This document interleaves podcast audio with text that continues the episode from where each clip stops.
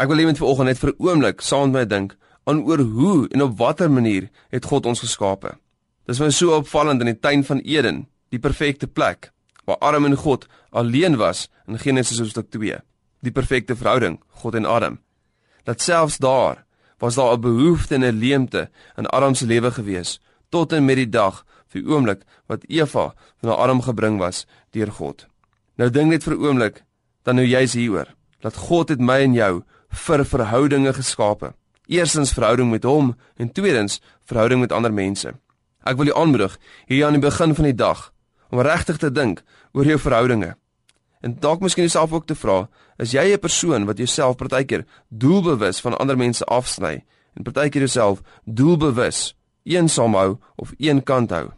Ek het onlangs 'n studie gelees deur die Departement van Gesondheid van Kalifornië.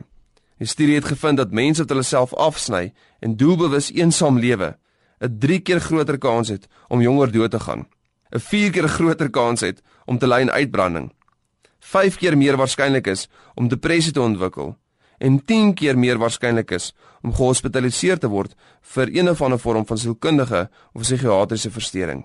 Verstaan net dit. God het my en jou geskape vir sinvolle verhouding.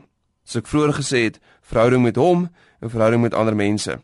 Nou daar's 'n verskeidenheid van verhoudinge in ons lewens. Ons verhouding met God eerstens en dan ons verhouding met ander mense wat bestaan uit ons huwelike, ons familie of gesinslewe, ons kerk, ons vriende en uiteindelik ook ons kollegas en kennisse. Weet dat die Here jou vir hierdie verhoudinge geskape. Moenie nie strik trap waar jy jou lewe lewe vir die lewensmiddels en nie vir die lewe nie. Wat ek daarmee bedoel, word eintlik so mooi opgesom deur 'n Hollandse spreekwoord wat sê: "Werk om te lewe, moenie lewe om te werk nie." Dink maar net, die goed waarmee ons onsself so dikwels besig hou en behep hou, geld en materiële besittings is maar net lewensmiddels. Dit is nie die lewe nie. Kom ons raak vir 'n oomblik stil en ons bid saam. Ons vra ook die Here se leiding vir elkeen van ons hierin. Here help ons om deur die loop van hierdie dag dit in gedagte te hou.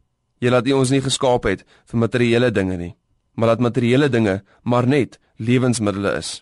Help ons om U sin en U doel in elke verhouding in ons lewens te kan vind.